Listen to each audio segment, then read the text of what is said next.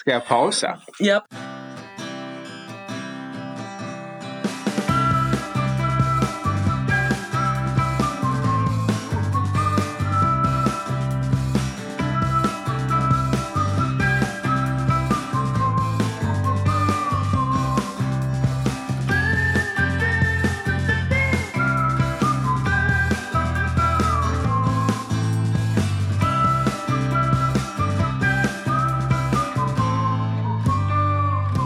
Grundat snack.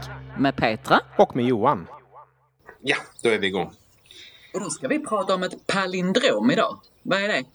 Du som är jättebra på alla svenska ord. jag kände det lite som en pik Petra. Men du, jag tänker att det är ett ord som blir samma både framlänges och Ja, baklänges. men exakt. Och det visste du redan innan jag 10 frågade. poäng till Johan. Men du, tillit Petra, vad betyder det? Ja, vad betyder det? Ja, om man då ska ha en, en förklaring så står det förhållandet att man litar på någon. Okej. Hmm, kan man lita på det egentligen? Jag hoppas det. Eh, Det är någonting jag eftersträvar. Är du genuint nyfiken? Oftast tror jag det. Ja, det är jag. Jag vill gärna förstå. Precis, har du en genuin förståelse? Jo, men det tror jag nog. För det som jag tycker är viktigt, det är just att man inte värderar för mycket. Det är Och det är du jättebra på. Du värderar ju aldrig. Kommer jag så... Nej men du lägger aldrig någon värdering i det man säger liksom. Nej, och jag tänker att det är ett sätt att genuint vilja förstå. Mm. Eh, Sen så kan man ju ibland i efterhand tänka och tycka saker. Mm. Men att i början faktiskt inte vara så snabb med att lägga värderingar i plus och minuskorgen. För att det är ju någonting den här människan vill förmedla till mig och det är ju spännande. Mm. Ja och tilliten är framförallt kanske i relationer vill vi ju prata lite grann om. Ja, just det. Eh, Mm. Hur viktig den är. För att vi har ju pratat lite inför den här poddinspelningen och då pratar vi om det här med relationer eh, och att för att vi ska kunna ha bra och välfungerande relationer så krävs ju tilliten i grunden. Mm. Att tillit är det vi bygger på. Mm. Och jag vet inte, är det alla relationer? Vad tänker du Petra? Ja men ja.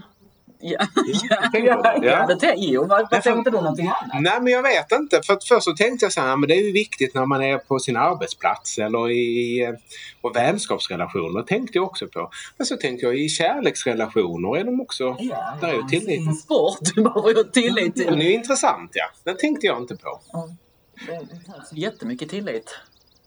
eh, När man spelar. Till Ja. exempel handboll eller... Just ja. Men är det då att man litar på de andra spelarna? Eller är det också att man litar på sig själv och sin Ja, egen tänker- förmåga? Precis. På sin egen förmåga och för de andra i laget. Så deras förmåga. Och det är faktiskt en ganska bra bild att ha. Att i ett lag så krävs det att man kan lita både på sig själv och att man kan prestera, leverera. Men även på sina medspelare och att det faktiskt kanske gör dem då bättre och starkare. Mm. Känner du någon gång att din förmåga till din egen tillit, att den har liksom eh, inte funnits där? Jo men det tänker jag nog. Och för mig är det nog ganska stor skillnad i det som är mitt professionella jag. Eller när jag är i någon form av arbetssituation eller i vänskapssituationer. Kontra om jag är till exempel i en kärleksrelation. Mm. Det har jag fått jobba mycket hårdare på. Mm. Veckans gäst Ja. är ju faktiskt en person som spelar fotboll på en väldigt hög nivå. Just det. Eh, och här får vi höra honom kring tilliten och kanske lite grann när han pratar utifrån sin profession. Ja, verkligen. Både från fotbollsplanen, för han har en karriär till ju. Exakt! Ja, och vilken är det? ja. Han är ju eh, musiker. Ja. Och det är ju spännande just det här, tilliten till sin egen förmåga i två vitt skilda saker och tilliten till andra i processen. Ja men spännande. Vi har allting att lyssna på. Så eh, vi får väl lyssna på eh, dagens gäst som är Kevin Walker. Veckans gäst.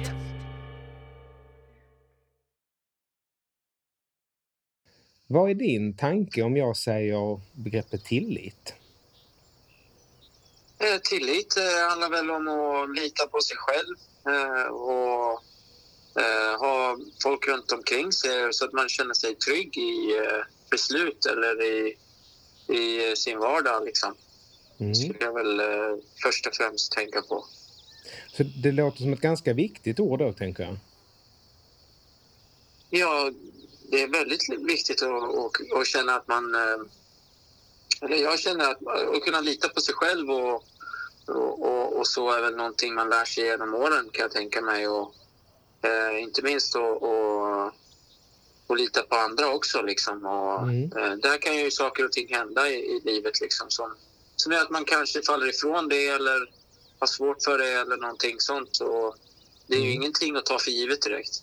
Nej, man måste jobba för kanske. Du har ju två, två karriärspänn där tänker jag, med fotbollen och musiken. Eh, och tillit, jag tänker när man är en del av ett lag. Hur är det med tilliten där? Hur, hur, hur, vad, betyder, vad betyder den där? Nej, men det handlar ju om att, ehm, att för att kunna lita på varandra, man är beroende av varandra ute på planen för att nå någon form av eh, framgång så måste ju måste alla göra sin, eh, sin arbetsuppgift och dra sitt strå till stacken liksom, om man ska prata sådana termer. Så det, Mm. det är liksom...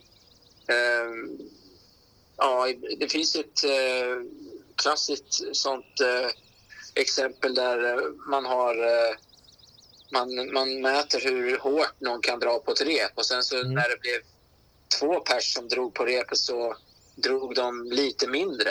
Eh, liksom.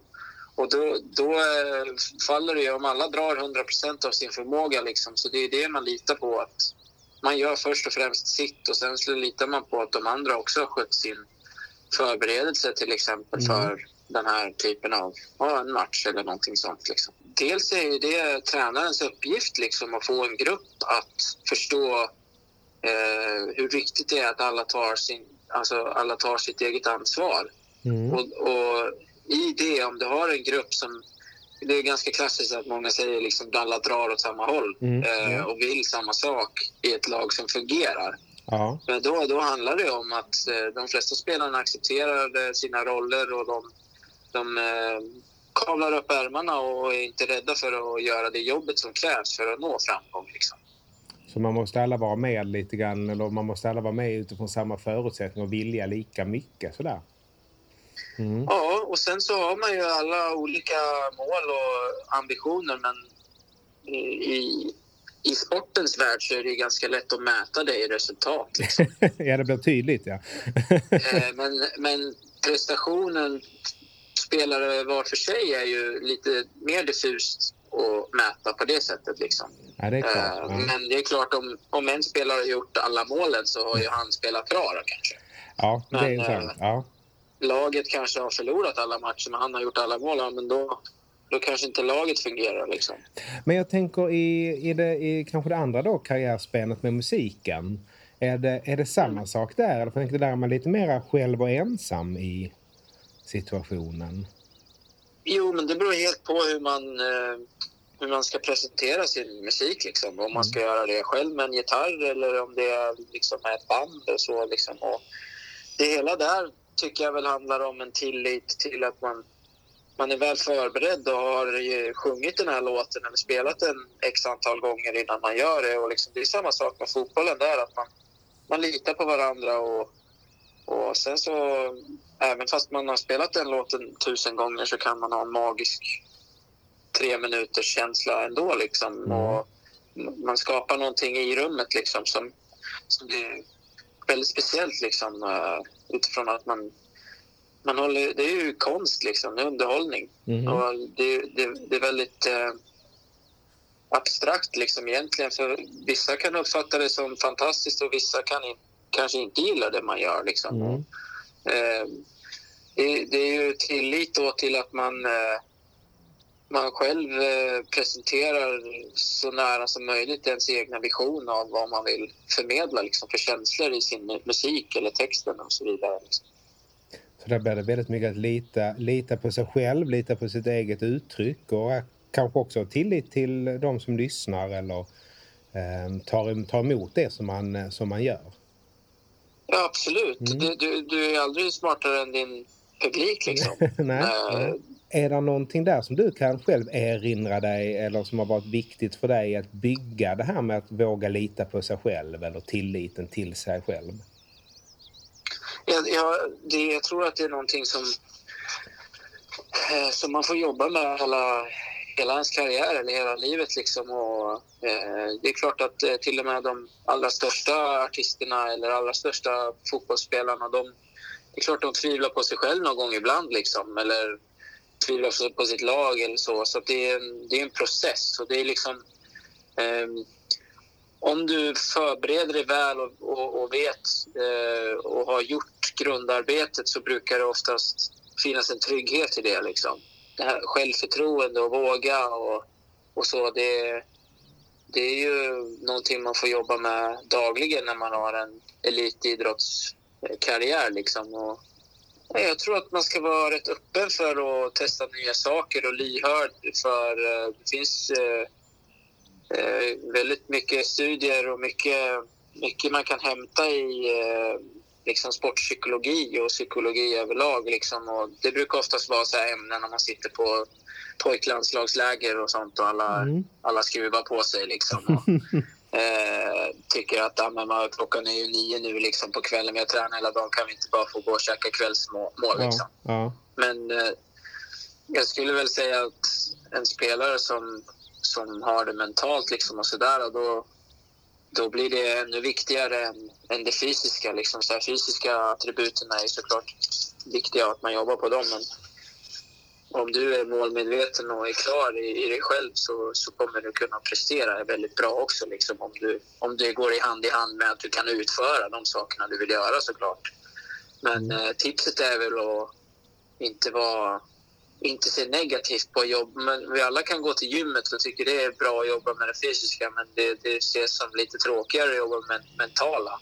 Ja, och det, det tycker jag är helt fel approach. Liksom. För där, man måste inse att man, man måste jobba lika mycket med, med det mentala som det fysiska. Liksom. Och om man vill ha en långsiktig karriär i någonting och, och så som, som är väldigt hård, en hår, hårda branscher liksom, så tror jag att det är väldigt viktigt. Liksom. Och, och att man gör det för rätt saker, att man, man brinner för det på rätt sätt. För då har man rätt motivation i slutändan. Liksom. Så att, Ja, det är kanske också en spännande aspekt av det där med tillit. Eller jag, jag tyckte det var lite när jag tänkte att jag skulle prata med dig också spännande utifrån att man har mycket press runt omkring sig tänker jag också. Både, både i fotbollsvärlden eh, eh, och i musikvärlden.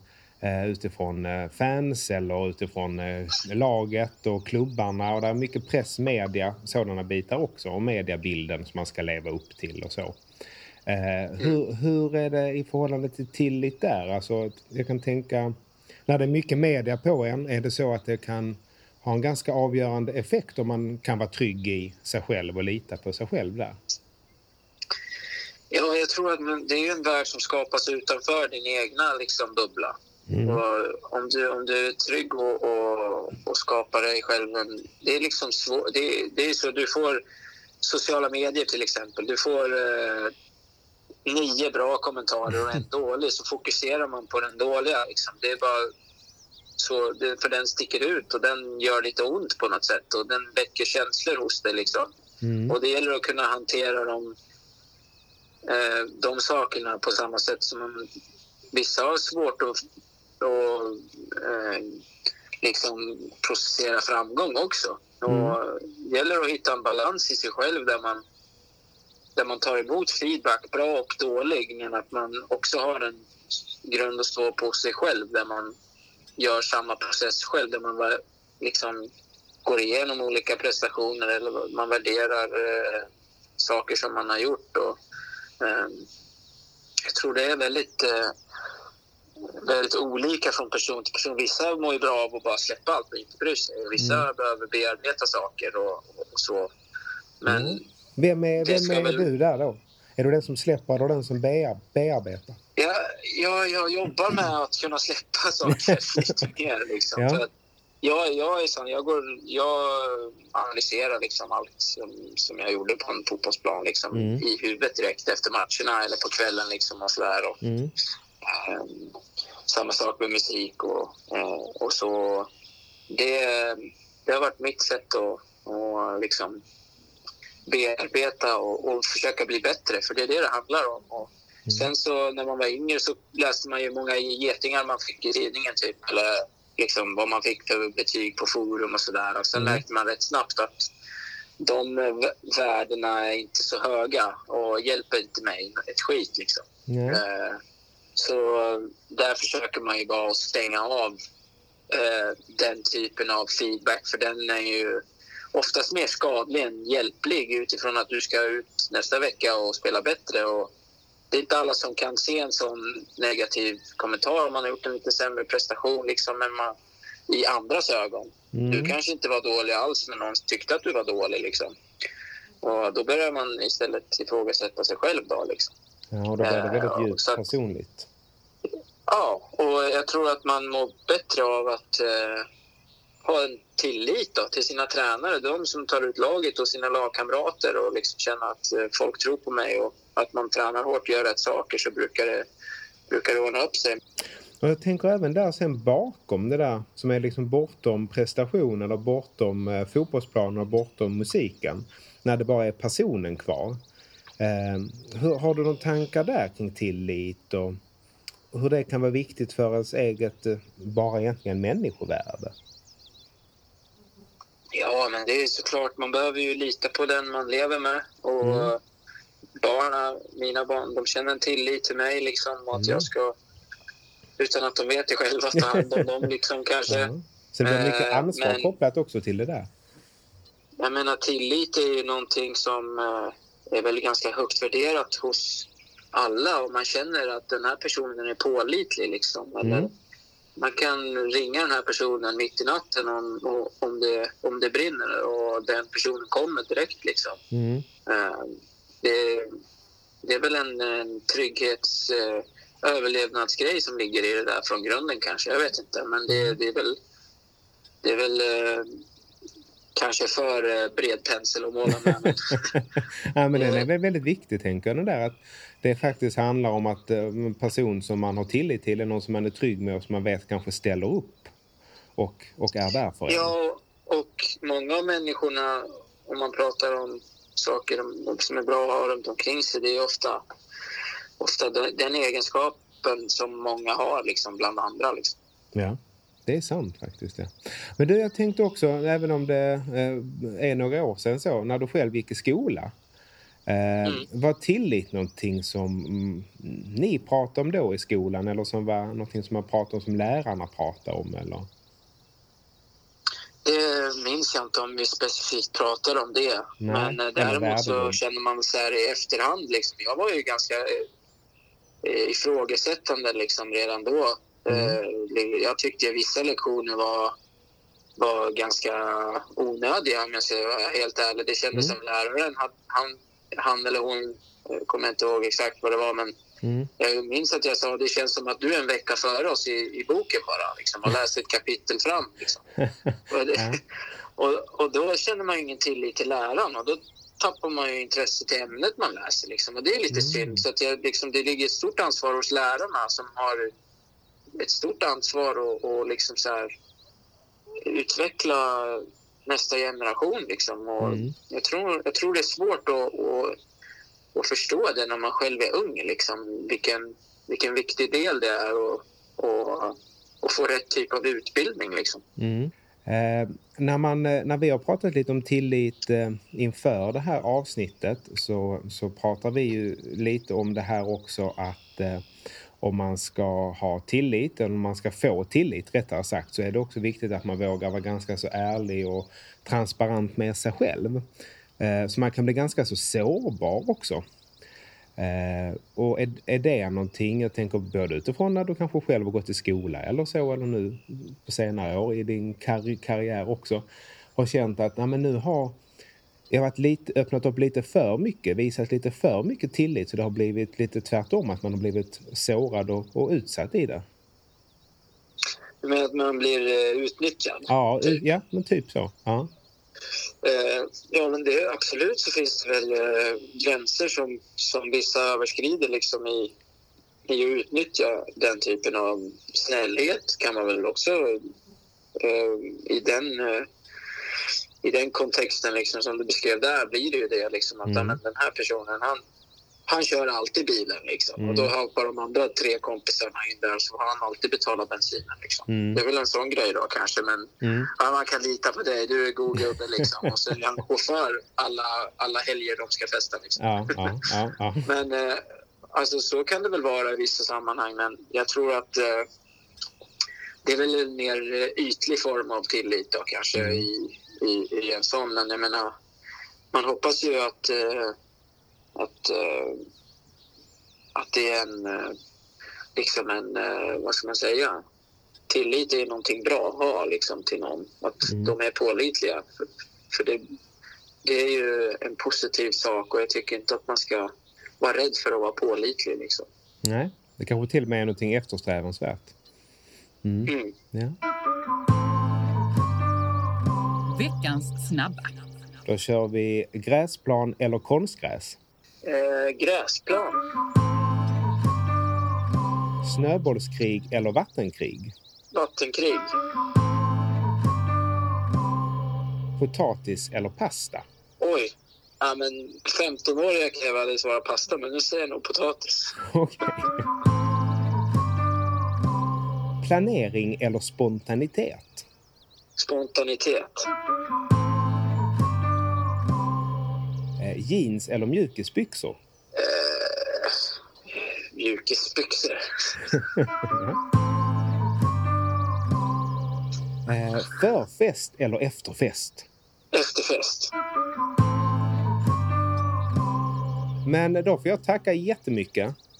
Och Ja, men eh, tack själv. hoppas vi hörs igen. Ja. Det gör vi säkert. Ha det väl du. Och en trevlig kväll. Ha det gott. Ha det fint. Hej. Detsamma. Hej då. Det är ju så spännande det här Petra med att tillit är en så viktig del av relationer, även i idrottssammanhang då. Ja, man brukar ju tala om att laget går före jaget. Ja men det är ju intressant för det sätter ju fingret rakt på den ömma punkten eller rakt på det här med att eh, för vi ska få relationer och kunna växa så behöver vi tilliten i grunden. ja, men bra sagt. Men du Petra, Mm. jag tänker även på våran följetong som vi har här i podden. Eh, vi kommer alltid tillbaka. Mm. Där kommer också frågan om det här med tillit. Vem kan man lita på? Vill denna människa mig väl? Mm. Eh, och de personerna vi följer där är ju i sin tonårsprocess. Oh, det var jobbigt. Det är jobbigt. För då blir det oftast ännu mera på liv och död. Kan jag lita på dig? eh, och det är ju det de eh, brottas med och övar sig och tränar. Mm. Så det här med tillit det är ju faktiskt någonting som vi som människor övar och tränar oss i. Kapitel 3 Det var på riktigt. Under klara dagar kunde hon från balkongen se hela den kända världen. Den sträckte sig över gårdarna i kvarteret, bort till centrumtorget, förbi den vidsträckta gröningen och bort mot det intilliggande kvarteret. I bakgrunden skymtade hon den enorma skorstenen från kraftvärmeverket och den långsträckta skolbyggnaden. Det var en dag att andas ut i. Hampus och hon hade inte pratat om det som hade hänt invid fotbollsplanen. Hon hade nog känt att det skulle ha varit bra om de hade pratat. Men eftersom att tiden hade gått och de hade fortsatt att vara tysta kändes det konstigt att ta upp det nu. Hade killen haft rätt? Var Hampus bög? Hon tänkte att det var logiskt men konstigt. Han hade varit tillsammans med Sara i mellanstadiet men hon trodde inte att de hade gjort särskilt mycket mer än att kolla på film och skicka dumma och barnsliga meddelanden till varandra. Borde hon fråga honom? Men hur gjorde man det? Hon eh, testade frågorna tyst i huvudet. Ehm, du, Hampus, är du bög? Eller, nej, just det, bög fick man inte säga. Um, Hampus, gillar du killar? Eller kanske, har du pojkvän Hampus? Eller mer direkt, Hampus, hade killen rätt? Är du en sån där bög? Hur hon än formulerade sig kändes det fel. Kändes som att hon ställde honom mot väggen. Hade hon rätt till det? Hon ville ju i och för sig veta. Han var ju hennes bror. Men hon visste inte vad hon skulle göra med informationen. Vad betydde det om han var bög? Rösterna var loja i värmen. Det hade varit en eh, sådan sommar som man skulle komma att prata om efteråt. En eh, sådan sommar med eh, hetta och med en känsla av att vara för evigt. Att evighet bara var korta sekunder var inget som varken hon, Hampus, Ali eller killen på våningen under visste.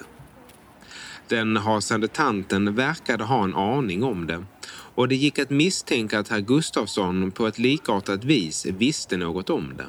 Men för stunden var det högsommarens hetta och loja röster som omgav Ali när han låg i gräset på gröningen. Det var en av de ovanliga stunder när Ali inte spelade fotboll. En av de ytterst få tillfällen som han inte gjorde någonting. Och om han skulle vara ärlig hade han inte varit sugen på att spela fotboll sedan bråket vid fotbollsplanen. Det kändes liksom inte roligt om hon inte skulle få vara där. Han fattade inte varför tjejerna var på henne. Kunde de inte bara låta henne vara? Hon hade ju inte gjort något. Då var det bättre att de gick på Hampus istället. Han var ju i alla fall bög. Ja, Ali brydde väl sig egentligen inte. Men om nu någon var tvungen att bli pikad så var det väl bättre att det var bögen istället för henne. Hon var ju helt vanlig. Helt vanlig och samtidigt helt speciell, tänkte han tyst. Samtidigt som han åt upp det sista av glassen som han hade köpt i kiosken som låg ut med genomfartsvägen. Dagar kan vara på många olika sätt och i efterhand kan det vara lätt att se varför de blev så som de blev. När man är mitt i dem kan det dock vara svårare. Så skulle denna dagen bli. Ali skulle komma att ångra den. Men än så länge, på gräsmattan, omgiven av loja röster, avlägsna barnskratt och trafikbrus i fjärran och med en kladdig hand av smält glass som har torkat av mot det brända gräset var det en dag fylld av möjligheter.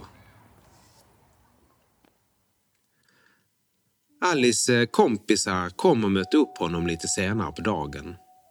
De spelade fotboll, även om Ali inte hade lust. Det var så de umgicks. Det var mellan passningar, straffläggningar, mål och förluster som de hade lärt känna varandra. Utan en fotboll mellan sig visste de inte riktigt vad de skulle göra. Tjejerna från granngården kom förbi. De busvisslade och hejade på. Stundtals stoppade de för att viska med varandra, kasta en blick på någon av killarna på planen, skratta och fnittra högt för att sedan fortsätta att heja på. Det störde Ali. Vad fan visste de om fotboll? Hon visste mycket mer. Och de hade jagat bort henne. När de tog en paus började en av tjejerna fråga Ali om henne. Om de var ett par om han hade blivit en tönt. Fattade han inte hur korkad och ful hon var? Han eh, stoppade sig från att agera på den första instinkten, vilken var att slå henne rakt i ansiktet. Hur vågade hon säga så? Han ville skrika åt henne, förnedra henne på samma vis som hon hade gjort. Men han höll sig lugn och alldeles tyst. Pikarna fortsatte att komma, och nu från alla. Ali orkade inte längre. Han eh, ställde sig upp med ett ryck. Och han kände hur hård och stum jorden under honom var på grund av torkan som hade varit i flera månader nu. Alltså, håll käft nu! Ni fattar ingenting. Helt jävla clueless. Han fick bara fnitter och busvisslingar och ett allia kär till svar.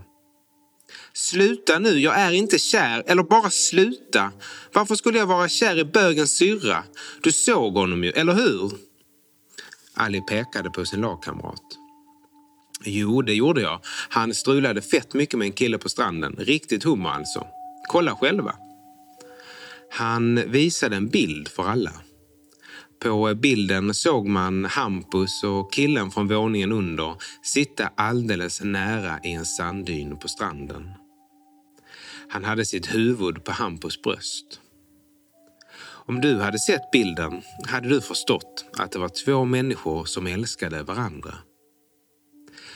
Det tog knappt en minut innan en av tjejerna hade skickat bilden till en annan kompis som skickade den till en annan och sedan vidare och vidare. Alla som de kände eller som gick på skolan kunde se bilden nu. Med texten Ali har bevisen, de är gay. Och gay med stora bokstäver.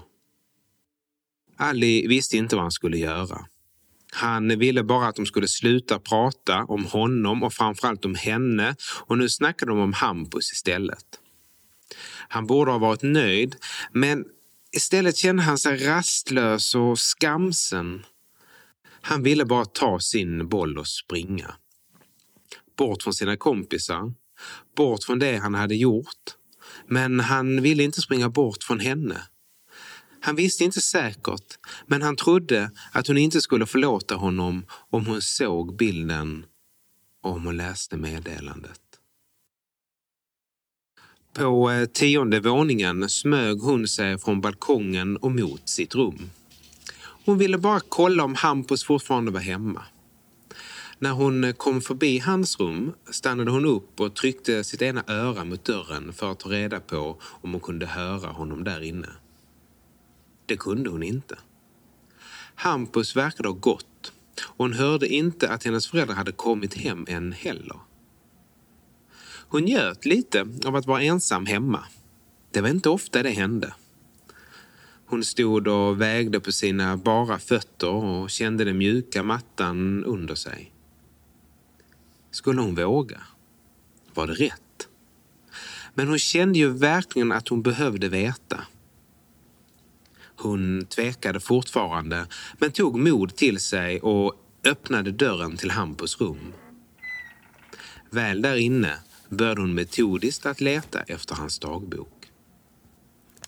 Hon eh, kände sin bror och visste att han hade skrivit dagbok sen typ för alltid. Och om det var någonstans hon kunde få svar på om han var bög eller inte utan att fråga så var det i den. Hon drog eh, fram den från under madrassen. Han hade inte hittat ett nytt gömställe för den sedan de båda delade rum i deras förra lägenhet och tre trappor upp i samma hus.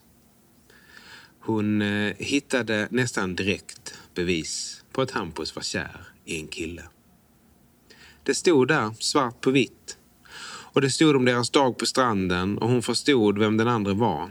Det var killen på våningen under dem. Hon la tillbaka dagboken där hon hade hittat den och gick fort till sitt rum. Nogsam med att inte lämna några spår efter sig. Vad skulle hon göra nu när hon visste? Skulle hon prata med Hampus? Men då skulle han förstå att hon hade läst hans dagbok. Det fanns liksom ingen väg fram. Hon skulle få förbli tyst. Efter ett tag la hon sig på sin säng och tittade på sin mobil.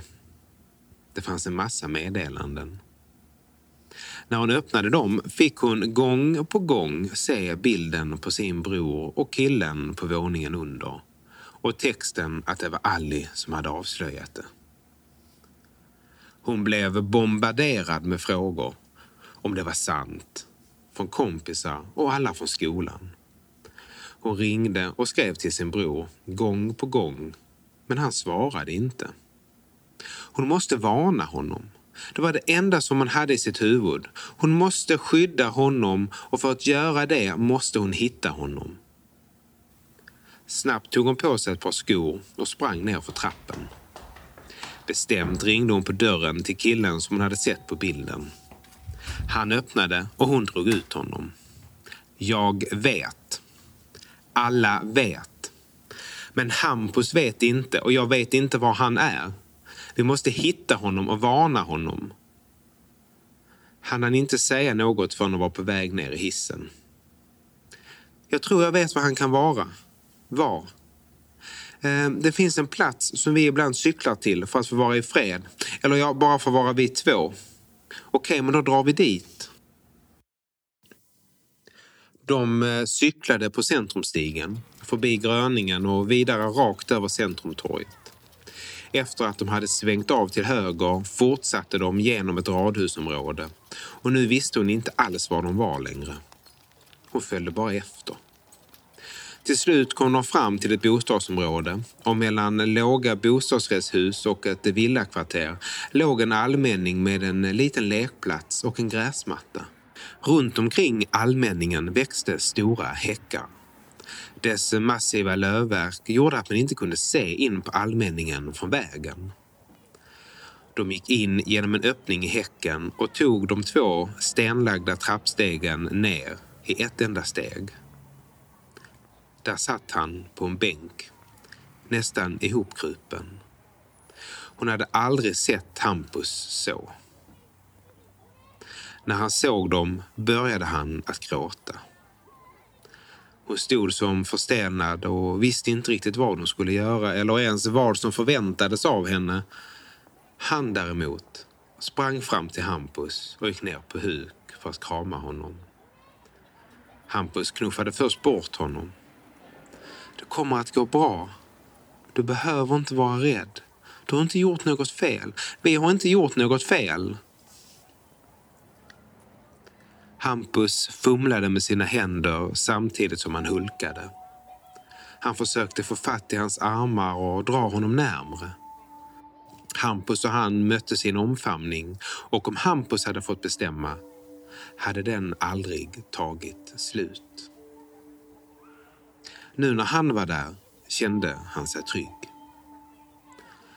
Trots att han hade sett bilden som Ali hade spridit så skulle det kanske bli bra bara han var där. Bara de var tillsammans. Hampus lutade sig ur omfamningen för att se på honom och bestämde sig där och då. Han strök bort en tår från kinden, lutade sig fram och kysste honom. Det var på riktigt. De skyndade sig inte hem. Det fanns för mycket att prata om. Och hon berättade att hon hade kollat i Hampus dagbok för att hon var orolig. När de väl kom hem på cyklar som eh, lät i den tysta kvällningen såg de att Ali och hans kompisar var på fotbollsplanen. De verkade inte spela någon match. Det såg mer ut som att de stod och trixade. I efterhand visste hon inte hur hon vågade, men där och då kändes det helt rätt. Hon slängde sin cykel åt sidan, sprang in på fotbollsplanen, bort till Ali och knuffade honom hårt i bröstet.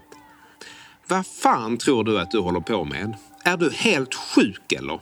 Du är inte bättre än någon annan här. Och jag, jag som trodde, eller strunta i det, men jag trodde att du var annorlunda.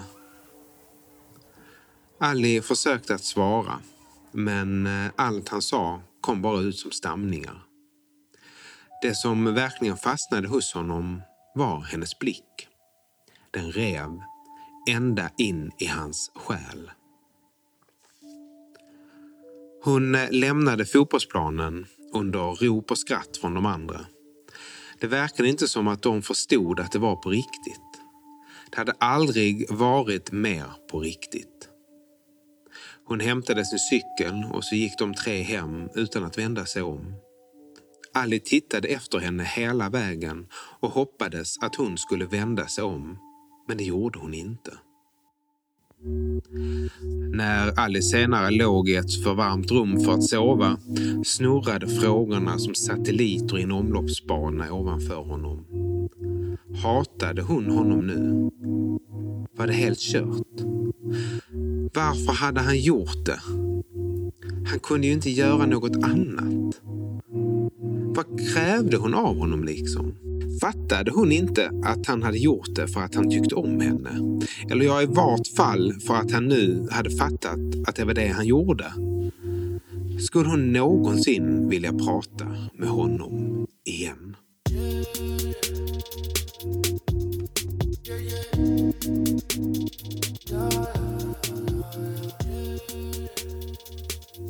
Petra, nu är det slut för idag. Ja, allt roliga har ju faktiskt ett slut. Tyvärr.